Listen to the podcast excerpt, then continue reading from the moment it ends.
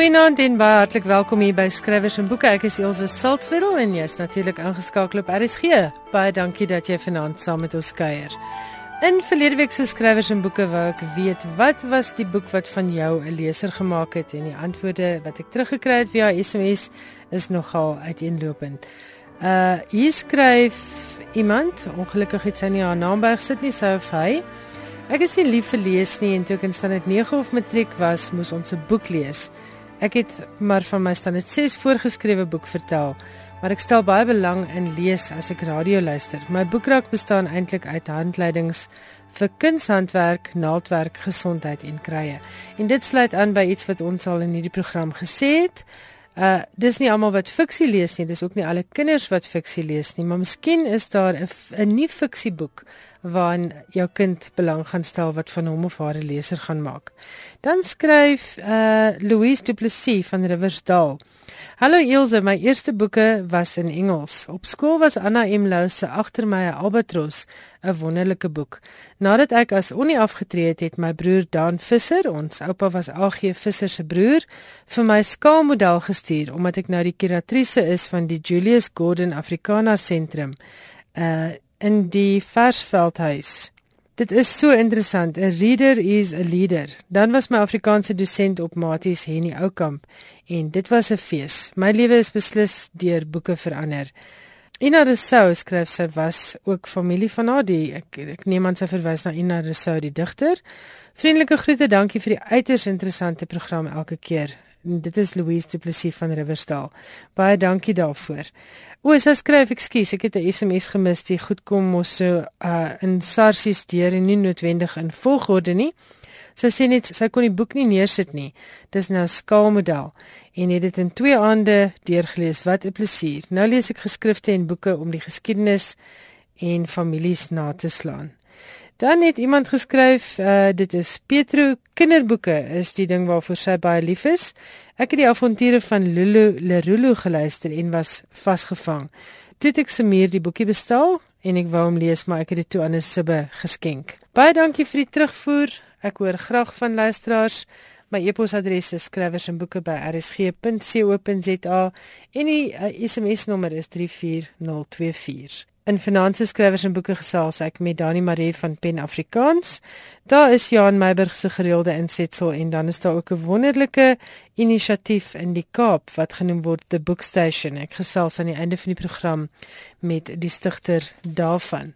Dan uh om terug te kom by die boek wat van my 'n leser gemaak het. Ek het daardie vraag vir Elise Parker, die skrywer van verskeie kortverhale en uh romantiese geestelike fiksie en ander romantiese fiksie gevra en sy is ook natuurlik 'n joernalis. En Elise antwoord as volg: Die boeke van Daphne du Maurier wat meestal in Cornwall afspeel, soos Jamaica en in Rebecca, het my as 'n 16-jarige vasgevang. Meestal oor die sterk karaktertekeninge, maar ook natuurlik die storielyne, sowel as die landskap van Cornwall. Dit het in my 'n koers gesit om al hoe meer boeke wat in Cornwall afspeel te lees.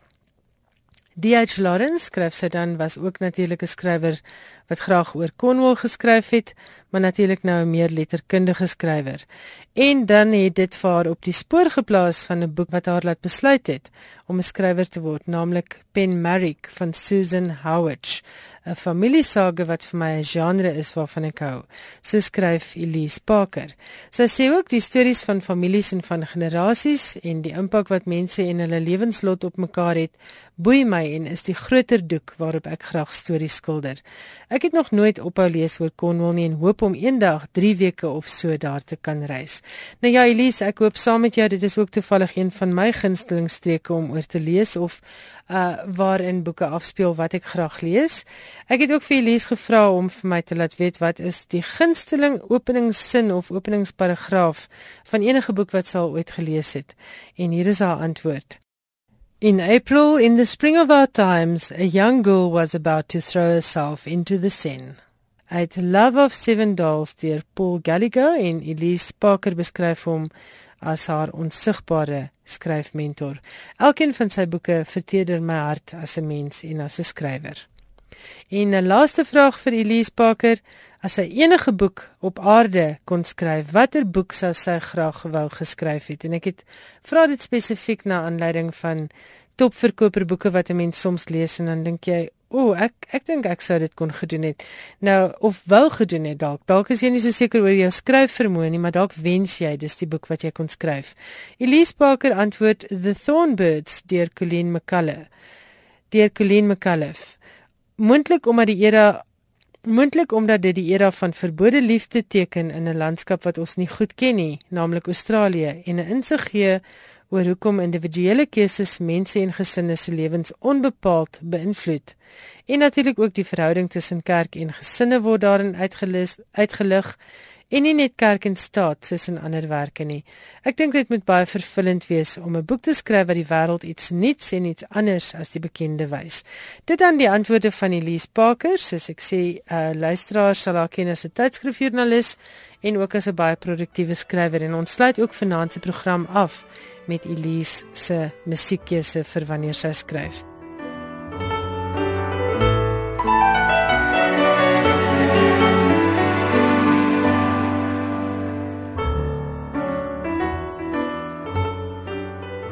Dani Maree, baie welkom by Skrywers en Boeke. Ons luisteraars gaan jou ken as 'n rubriekskrywer en 'n digter en jy het net te vertel jy is soms 'n omroeper of jy was 'n omroeper met 'n groot voorliefde vir musiekprogramme.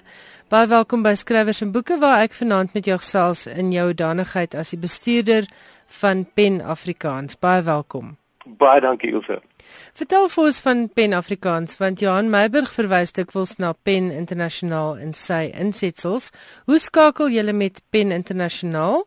En dan kan jy sommer vir 'n soort van 'n agtergrond gee oor beide organisasies.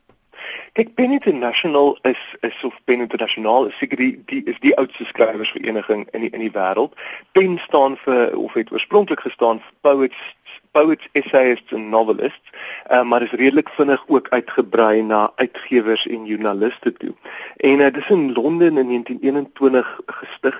Ons 'n groot klomp uh, interessante presidente en uh, baie beroemde mense betrokke. John Galsworthy was 'n president, H.G. Wells, later Arthur Miller, um, ensovoorts. En en pen staan eenvoudig vir die bevordering van letterkunde en ook die bevordering van uitdrukkingsvryheid. Hulle het heelwat ander aktiwiteite ook. En dan het hulle hulle geografies geografiese sentrums en hulle taalsentrums. En om om as 'n pensentrum erken te word deur die moederliggaam waar die sekretariaat in Londen sit, moet jy by 'n internasionale penkongres goedgekeur word. Ehm um, nou daar's 'n hele paar taalsentrums, daar is 'n uh, um 'n uh, Baskiese een, 'n Walliese een, 'n Ierse een, daar was lank 'n Jidiese een wat helaas nie meer bestaan nie. Die Katalaanse pensentrum is sterk.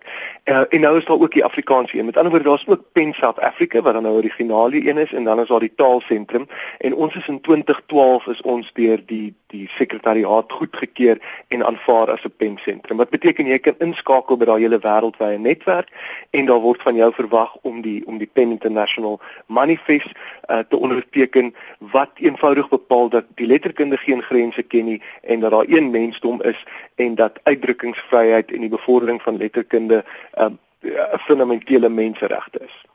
Goed, en wie is die bestuur van Pen Afrikaans?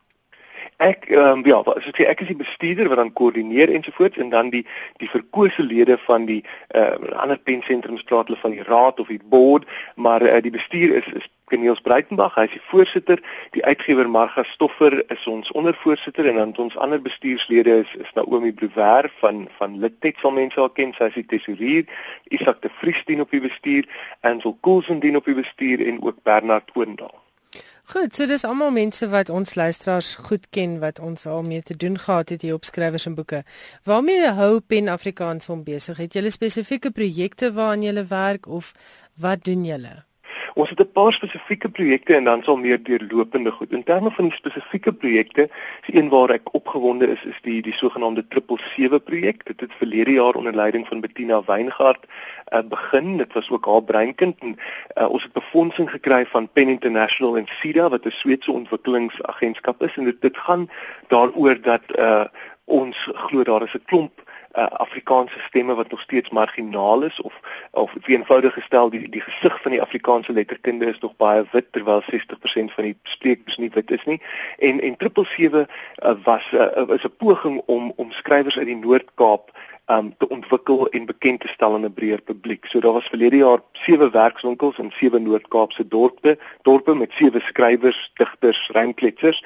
En uh en vir jare gaan gaan Ansel Coulson saam met Diana Ferris terug en ook Heidi Miller van RSG om om daar um na die werkswinkels wat gehou is uh verder te probeer ontwikkel en om te kyk of 'n mens nie uh 'n paar skrywers op die op die literêre kaart kan plaas nie. Die idee was verlede jaar om 'n om 'n bloemlesing te publiseer van hierdie stemme maar daar was ongelukkig nog nie genoeg werk nie. Ons geweldig baie belangstelling. So vir jare wil ons dit nou vir verdiep met met onderhoude deur Heidi ook om konteks te gee en agtergrond en en hopelik is daar 'n paar opwindende nuwe vertellers wat die wat die Afrikaanse literêre en openbare ruimte betree.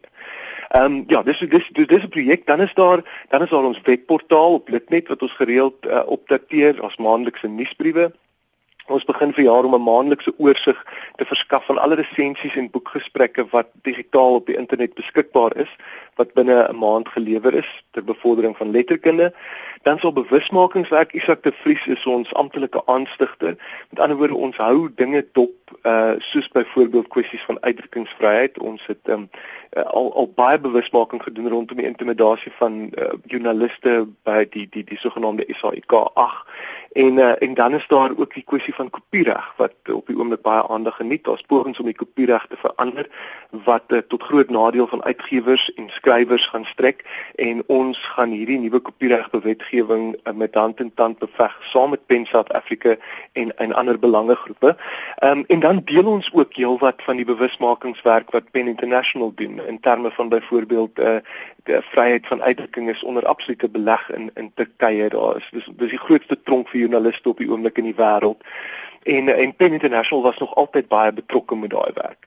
En uh, die ander kwessie wat vir ons belangrik is is is taalregte. Ehm um, ek is self ook 'n lid van een van Pen International se spesiale komitees, die sogenaamde Translation and Linguistic Rights Committee wat destyds gehelp het vir UNESCO om te skryf aan die universele verklaring van taalregte.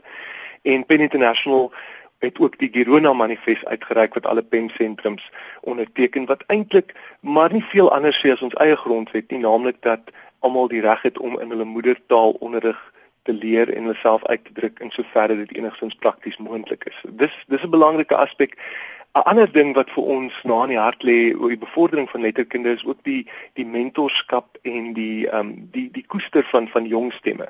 So ons het uh, die laaste 2 jaar, eintlik nie eens al 3, 4 jaar het ons uh, jong skrywers ingeskryf tussen 18 en 13 vir die internasionale New Voices kompetisie wat Pen International aangebied het. En die laaste 2 jaar het ons Dan nie, ekskuus, dis seker 18 en 30, né? Nee. Ja, skus, wat het ek gesê? 18 en 13, dis bietjie um nee, nee, nee. Nee, dis tussen 18 en 30. Jy moet een vroulike en een manlike kandidaat inskryf. Ehm um, ja, in die laaste 2 jaar was ons baie gelukkig dat ons kandidaat, een van ons kandidaate elke keer in die lang lys van 6 geëindig het. 2 jaar gelede was dit Karin Smit met haar kortverhaalike waan en uh verlede jaar was dit Frederik Botha met uh Please Help God Bless. Ek dink dit is ook dit is skrywers van wie jy nog gaan hoor. Frederik Botha skryf ook vir getroud met rugby en uh toe het ons verlede jaar soveel belowende inskrywings gekry dat ons ook 'n eerste keer 'n aanlyn slypskool deur Litnet aangebied het. Dit het nou pas klaar gemaak. So jy kan die laaste weergawe van Jaco de Plooy se kortverhaal Nomfundo daar gaan lees en ook die laaste weergawe van Elisha Zeeman se satiriese kortverhaal Die Mystiek in die Vlieg. Dit het uh, vandag of, of Vrydag verskyn, uh, Vrydag 3 Februarie en dan uh, is Elisha Zeeman ook by die KAKNK te sien. So ek ek hoop ons kan 'n ons kan 'n bydrae op al hierdie fronte uh, lewer en en en en skrywers meer met mekaar in verbinding sit en en laat gesels. Ek wil net vir jou vra, uh hoe gereeld kom die skrywers by by een onder pense vaandel of is dit 'n virtuele netwerk? Hoe bring julle mense in kontak met mekaar? Kyk, dis 'n saaklike virtuele netwerk. Soos ek sê, daar's die maandelikse nuusbriewe en dan is daar een keer 'n jaar 'n algemene jaarvergadering wat volgens ons grond, grondwet een keer in die noorde moet plaasvind en een keer in die suide. Verlede jaar was dit by die Boekejol in die noorde, die vorige jaar by die uh, tuin van digters in Wellington. Dit sal vir jaar weer daar plaasvind. Ehm um, en dan is daar uh, ook uh, elke nou en dan praatjies wat ons by feeste aanbied. Ons het byvoorbeeld gepraat oor of die kanon in sy kanonne in is en of daar weer 'n groot verseboek gaan wees by die tuin van digters. Uh en dan is daar ook uh, gesprekke vir jaar beplan vir die uh, vir die Bloemfontein se boekfees en ons beplan ook 'n projek saam met Pen South Africa waar ons skrywers wil laat saamlees en moontlik ook 'n vertalingswerkswinkel. So op die ouend gaan dit eintlik maar altyd oor oor mannekrag, maar daar daar's daar baie idees en en en belangstelling en eintlik ehm um, hang dit maar af van Afrikaanse skrywers wat ons alles deur middel van hierdie netwerk kan doen. So enige skrywer, joernalis, blogger, uitgewer is belangrik is is is uh is welkom om betrokke te raak en lid te word en saam te gesels. Ek wil terugkom na iets wat uh, 'n kwessie is wat baie polemiek veroorsaak en dit is taalregte. Ja. Jy, jy het nou gesê julle het by Pen Internasionaal 'n handves geskep hier rondom en en ons het dit onderteken oor die reg om onderrig te word sover moontlik in 'n moedertaal. In Suid-Afrika het daai argument altyd 'n politieke kleur of mense dit nou wil ehm um, hoor of nie, mense sien dit onmiddellik as 'n politieke aksie, maar kom ons praat 'n bietjie oor die belangrikheid van onderrig in moedertaal. Want ja. wat my betref is dit die een ding wat maak dat kinders later in die lewe sit met leerprobleme en met gebrekkige prestasie as hulle geforseer word om in 'n taal onderrig te word wat nie hulle moedertaal is nie. En ek kry die swart kinders in ons land bitter jammer wat in Engels onderrig moet word as dit nie hulle taal is nie. Nou nie meer eintlik in Afrikaans nie, um, maar daar's baie kinders in hierdie land, miljoene kinders in hierdie land wat gedwing word om in Engels skool te gaan en hulle is kwaliek die taal vaardig.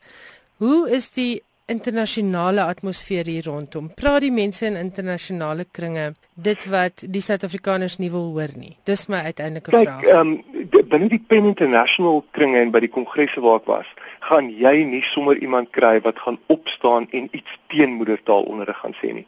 Wat vir my trouens baie interessant was is hoe die die Pen sentrums in Afrika hoe hoe hulle hulle nie eintlik die meriete van die saak uh, dit wil sou bespreek nie, maar eenvoudig wil weet hoe maak hulle dit 'n werklikheid. En by 'n kongres wat ek verlede jaar in Johannesburg was, is dit eenvoudig betreur dat die politieke wil in Afrika nie daar was nie.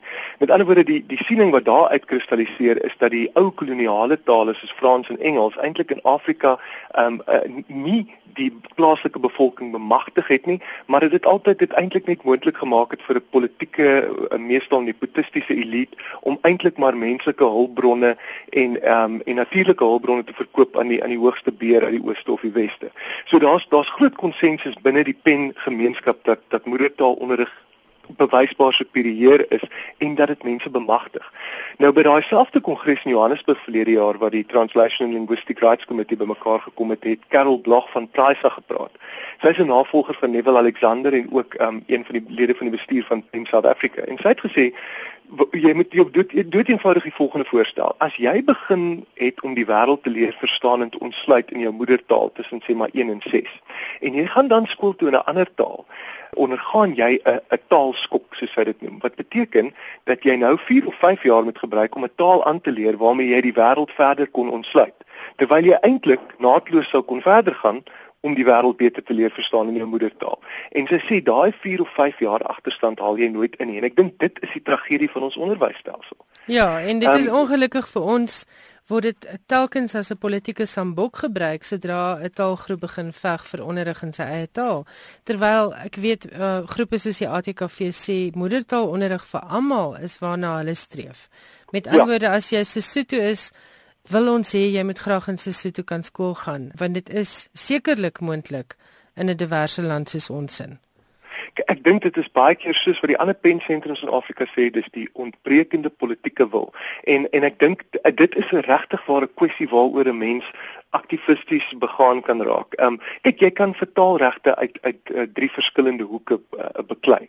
Jy dit kan gaan oor die eerste plek oor identiteit en kultuur oordrag wat altyd 'n soort van 'n regse kleurtjie het of dit kan vir jou gaan oor 'n liefde vir die letterkunde, die hoëre funksies van die taal of dit kan eenvoudig vir jou gaan oor die bewysbaar superiëre voordeel en bemagtigende voordeel wat moedertaalonderrig gee. En dit is vir my die dit gaan vir my op die ou end. So lief soos ek ook vir die letterkunde is, uh en hoe, hoe ek ook my my identiteit al definieer, dit gaan vir my op die ou end oor daardie moedertaalonderrig wat ek glo 'n pad vir Afrika uit baie van die van die moeilikhede is waarna hy hom bevind. Wel, dit kan ons onderwysstelsel red uit die um afwaartse spiraal waarin dit op die oomblik is omdat kinders nie presteer nie. En as jy nou vir my sê iemand het 'n 4 tot 5 jaar agterstand omdat hy eers weer 'n nuwe taal moet leer ken, dan verklaar dit ons swak matriekuitslae saam met natuurlik nou al die ander kwessies binne die stelsel.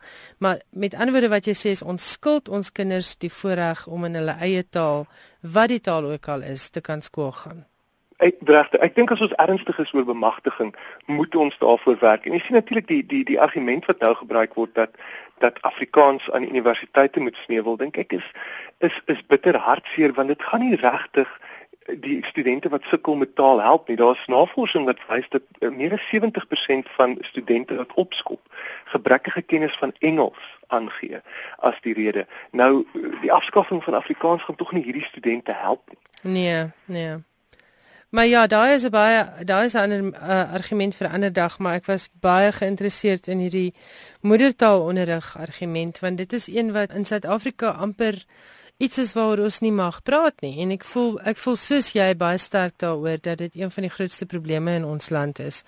En natuurlik ervaar Afrikaanse skole 'n geweldige aanslag en dan daarbey is dit dan nie net wit Afrikaanse mense wat ly daaronder nie, maar dit is ook bruin en swart Afrikaans sprekende kinders wat ly onder die wegvat van 'n Afrikaanse skool in 'n gebied. So dankie dat jy bereid was om daaroor te praat. Vertel vir my, wat doen julle uh waaraan die publiek kan deelneem? Is dit maar die aktiwiteite by die feeste of Wel die die die, die publiek kan uh, definitief ons webportaal dophou. Ons uh en in ons in ons nuusbriewe wat ook op die webportaal verskyn, uh publiseer ons jaarliks uh ag ekskuus maandeliks 'n lys van al die nuwe boeke wat in Afrikaans verskyn. Daar's 'n Excel tabel wat jy kan kry by al die verskillende uitgewerye, so jy kan daar op hoogte bly. Dan sal daar die nuwe maandelikse oorsig wat kom en en dan is daar so daar daar's verskeie dinge wat op die webbladsy gebeur, ook op Facebook en Twitter as jy op hoogte wil hou van wat of op hoogte wil bly van wat verder in die internasionale pengemeenskap aangaan. Ehm um, ja, like en gaan soek ons daar lees, op op, op sosiale media en, en praat saam. Goed. Geef my gou as jy by die by die webwerf wil uitkom, gee gou vir my net die skakels of gaan 'n mens deur Litnet na Penafrikaans? Ja, die maklikste is om te gaan na Litnet toe en dan by die boonste balkie is daar 'n portale uh um knoppie waarop jy kan klik. En as jy op portale klik sal jy vir Pen Afrikaans daar kry. En dan dan sal jy 'n baie vinnige groot idee kry van alles waarmee ons besig is. Jy sal ook die notules van jaarvergaderings my jaarverslag kry Kneels Breitenberg se kry. O en dan is daar een ander nuwe ding waarmee ons uh, besig is waar, waar ek opgewonde is. Ons het nou met taalgenoot um uh samewerkingsooreenkoms gesluit. Ons plaas ook hulle digitale inhoud wat nie op die web beskikbaar is nie op ons webportaal met al hulle boekbesprekings, maar ons gaan nou in die nuwe taalgenoot gaan daar 'n 'n rubriek wees, die eerste in 'n reeks boeke wat skrywers laat skryf. En ons voorsitter Kneels Breitenberg het die eerste een gedoen en dit gaan basies daaroor dat dat gerekende skrywers vertel watter Afrikaanse boeke het hulle verbeelding aan die brand geskop en hulle genoop om die pen op te neem, maar ook watter Afrikaanse boeke het na jou mening eintlik nie genoeg aandag gekry nie en het vir jou ehm um, het, het jou nogtans beïnvloed. So ek Danny, ek hoop ons gaan of julle by my in my gedagtes kom afloer het want ons het ehm um, ek het dieselfde gedoen vir afrikaans.com. Uh ek dink dit is hierdie week of verlede week het dit verskyn en ek vra dit nou ook as 'n vraag vir alle skrywers voortaan, wat is daardie eerste boek wat van jou leser gemaak het en dan uiteindelik waarskynlik van jou 'n skrywer gemaak het. So ek dink dit is 'n dis interessant dat ons dieselfde ehm um, idee gehad het ja. oor, oor ons letterkunde, né? Want ek dink dit is absoluut die begin van skryf is lees. Ja, mens skryf as 'n leser finies en klaar. As jy nie lees nie, kan jy nie skryf nie. En ek dink dit is baie interessant ook hoe daai vonke spring. Jy weet, ek dink dit is baie keer mense verbaas wees om te hoor watter boeke dit is wat mense aan die gang gekry het en daai daai spore kan jy eintlik maar altyd terugvervolg na daai groot plesier wat jy as kind gehad het in die voorlees situasie en daarna as tiener die jeugboeke wat jy verslind het ensovoorts. So uh, ja, so ek dink dis 'n dis 'n ryk onderwerp en ek dink ons kan hoe meer ons daaroor weet, hoe meer gaan ons vir ander mense ook op die spore plaas van van goeie boeke om te lees.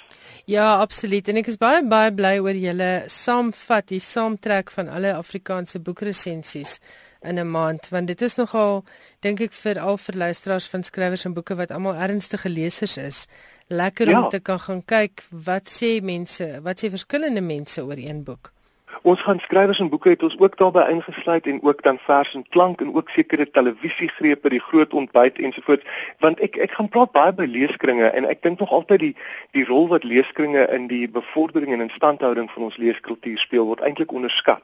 En daar's soveel belangstelling en ek dink ook vir leeskringe sal dit baie lekker wees om te weet te kyk hierso is alles wat oor 'n spesifieke boek gesê is want jy weet een een tragedie vir my is uh, ek dink dit is so sleg wanneer 'n boek effe te veel aandag kry of miskien 'n bietjie oorskat is nie. Maar dit is my bitter hartseer wanneer 'n goeie boek sink of nie die aandag kry nie. En absoluut ongemerk verbygaan, né? Nee, dit is regtig tragies. Partykeer kan u negatiewe, onregverdige resensie 'n boek wel knou en soms selfs kelder. So ek dink dit is baie belangrik dat 'n mens hierdie verskillende perspektiewe kry. Dani, dis so lekker om met jou te gesels. Jou entoesiasme vir Afrikaans en vir boeke is regtig aansteeklik.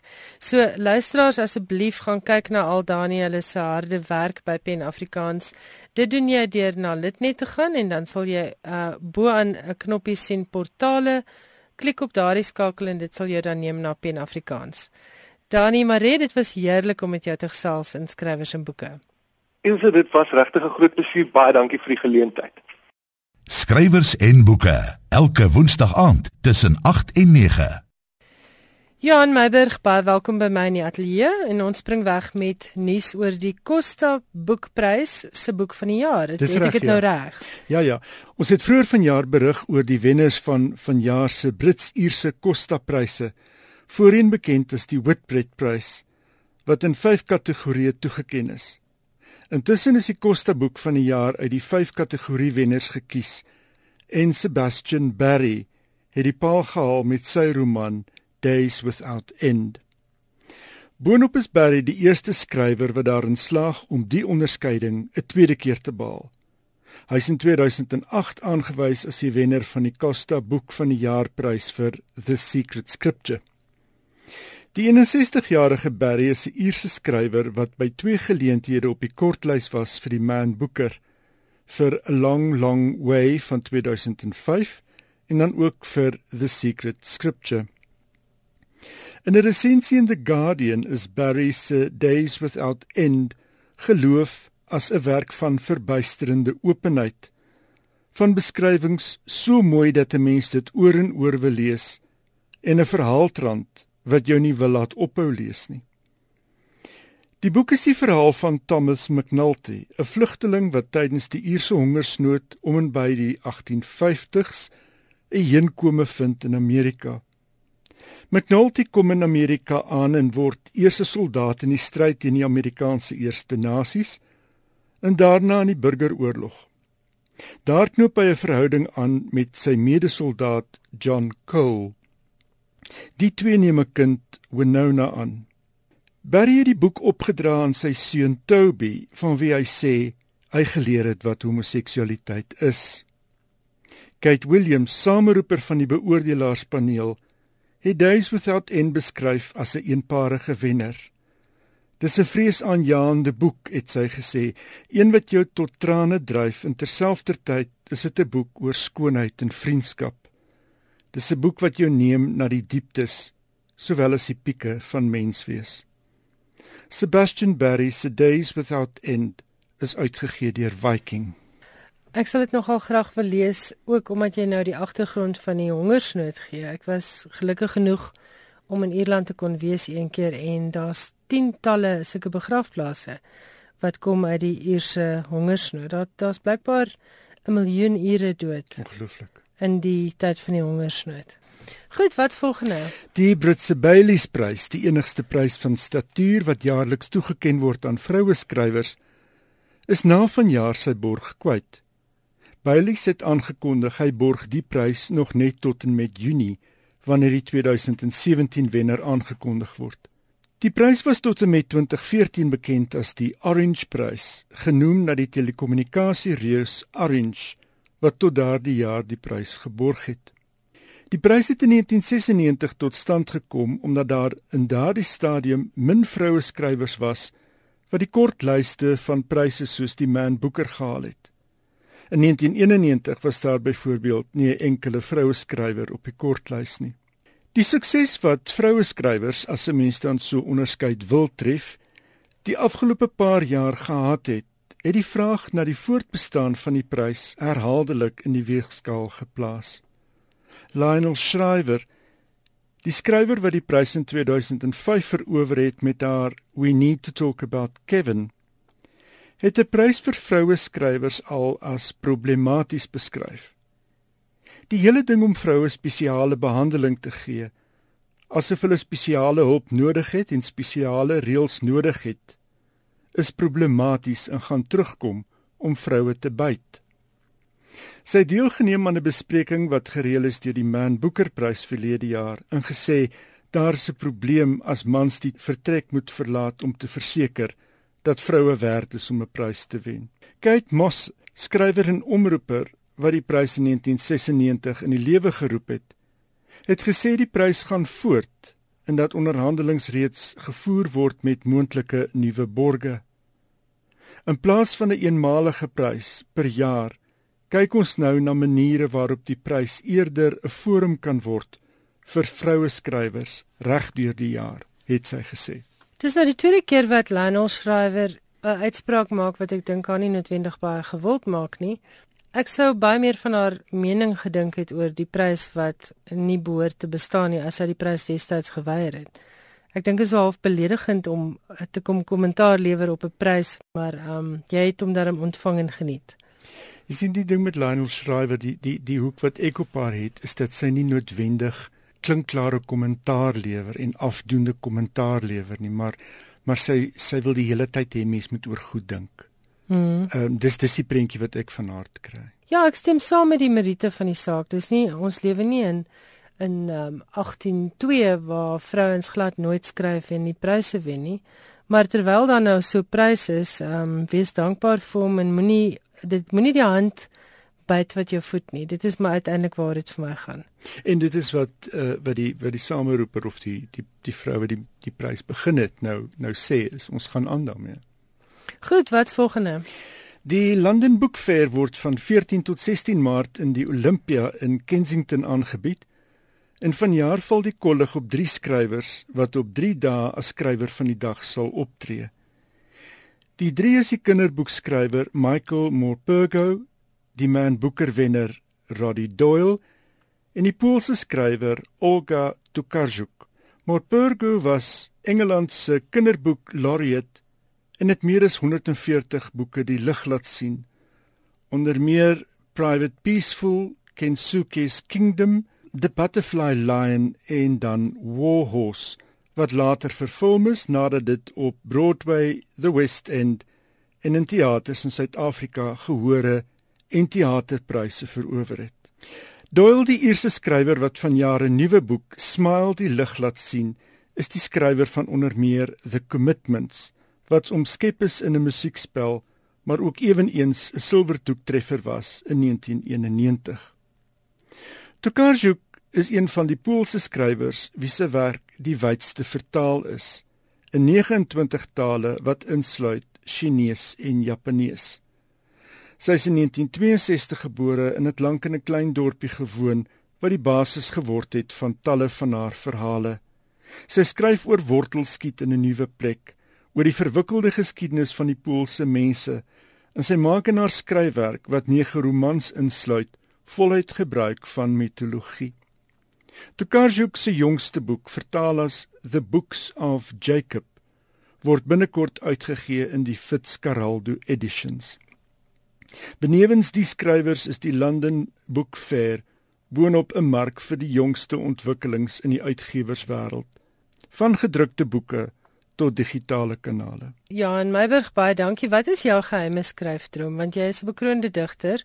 My geheime skryfdroom is om 'n baie baie goeie nie 'n kinderboek nie, ook nie 'n tienerboek nie, daai in between stadium, mm -hmm. die tweener, om 'n tweenerboek te skryf wat kindertjies absoluut fascineer. Nou dat jy praat van daai kinderboekskrywer wat 140 titels die lig laat sien. En as jy die man se boeke lees, dis net ongelooflik, dis betowerend. Nou wat's jou skryfdroom? Om dit wat ek doen so goed as moontlik te kan doen. Dis al. So eenvoudig, Ag, so eenvoudig en vervelend soos dit. Dit maak nou nie vir 'n lekker gesprek nie man, maar goed, ons sal ons sal volgende keer weer hierdie debat aan die gang probeer kry totdat ek jou oortuig het om ten minste te sê jy wil uh, ek weet nie wat nie, maar dink aan ietsie wat jy wil skryf. Dit was Johan Meiburg, baie dankie vir jou lekker bydrae. Ek gesels vanaand met Lauren Goldman van Kaapstad. Nou Lauren is deel van 'n groep wat hulle self noem The Book Station. Dis vir my 'n wonderlike inisiatief waar boeke en die gemeenskap bymekaar kom. Lauren, welcome at Skrywers en Boeke and thank you for talking to us. Thanks for having me. Vertel vir ons van The Book Station. Waar het hierdie idee ontstaan om boeke na die gemeenskap toe te neem? Uh is dit reg as ek in Engels antwoord? Perfek, dis doodreg. Dankie. We started a book club in 2010 already and we wanted to do something to give back to the community. Um, but we wanted to do it with the resources we had, um, which was time and books. And a lot of the organizations we found either wanted money or they wanted books that dealt with specific themes or that stayed away from specific themes. We obviously didn't want to go out and buy books. A lot of us had secondhand books that we wanted to give to someone. And then in January 2015, I went to my first open street, which was in Langa. After that, I also went to Bree Street. It struck me that that would be the perfect place to set up a book station, which is where the term came from. Lauren, presies wat is Open Streets? Uh ek dink nie al die luisteraars ken dit nie. Ek ken dit glad nie in Johannesburg nie. Open Street is basically a day where they close off the streets and it takes place in various parts of Cape Town. Like I say now, it was Bree Street, it was Langa, um, they also do Balville and Mitchell's Plain. So I approached my book club and I asked them if anybody wanted to get involved um, and a handful of them agreed. And I contacted the organizers of uh, Open Streets and our very first Open Streets was in Balville. Wat presies doen julle dan nou by so 'n bookstation geleentheid tydens die Open Street feeste van Kaapstad? So one of the biggest things we do, the real attraction, is that we read to kids. And not always reading to kids, but creating a space where kids can come and read. Because it's actually amazing. We started out with this idea that we would have time slots and, you know, we'd invite uh, different age groups to come and we would read to them. And we soon discovered that kids actually wanted to practice reading. Obviously, a lot of them, they learned to read at school and they wanted an opportunity to come and almost brag, you know, that they could. Okay, yes, ja. Um, so the concept has changed. Sometimes parents come as well and they sit and they read to their children. Another part is that we then have a book exchange. As I said, the idea came because a lot of us had secondhand books that we wanted to share, that we wanted to give away. And so the idea is also that people can bring a book and take a book of ours. We're still growing. We're still getting that message out there. So often we just give away books. And we have a lot of people who come with boxes of books to donate to us. We're obviously also in the situation where they're looking for people who want to read their secondhand books. Wat dink jy beteken hierdie ding wat jy aangepak het, hierdie projek wat nou al hoe groter word vir kinders spesifiek en dan vir die gemeenskap in die breë? I think one of the most amazing things for me is how badly children actually want to read and to see their faces when they come there and they see these books and they have access to these books. So I think for children, just being able to have access to books, um, being able to practice reading, I think that means a lot to them. And for the community as a whole, we've gotten so much support from adults in the community who are happy that we're bringing the service to their kids, um, who want to get involved, who see the value of educating kids and nurturing that love of reading and also hopefully attracting children who might not be interested in reading, but to actually show them, you know, I always from a little girl, I always told people who weren't interested in books that there's a book for everyone. You Yes, just have I- to find it. Yes, I agree with you. And I think that's one of the mistakes we make is to think that if my child doesn't like a story, then he's not a Hmm. reader, but he might like nonfiction. Exactly. You know, if you're into cycling, somebody has written a book about cycling. If you're into cars, somebody has written a book about cars. If you're into fairies, somebody's written a book about fairies. Hmm. So I think it's just about finding that thing that interests you and learning more about it. Because book, that's what books give us. Lauren, ek sê altyd vir my luisteraars, gee asseblief julle tweedehandse boeke vir skoolbiblioteke of ouerhuisbiblioteke of uh gee dit vir iemand wat dit kan gebruik.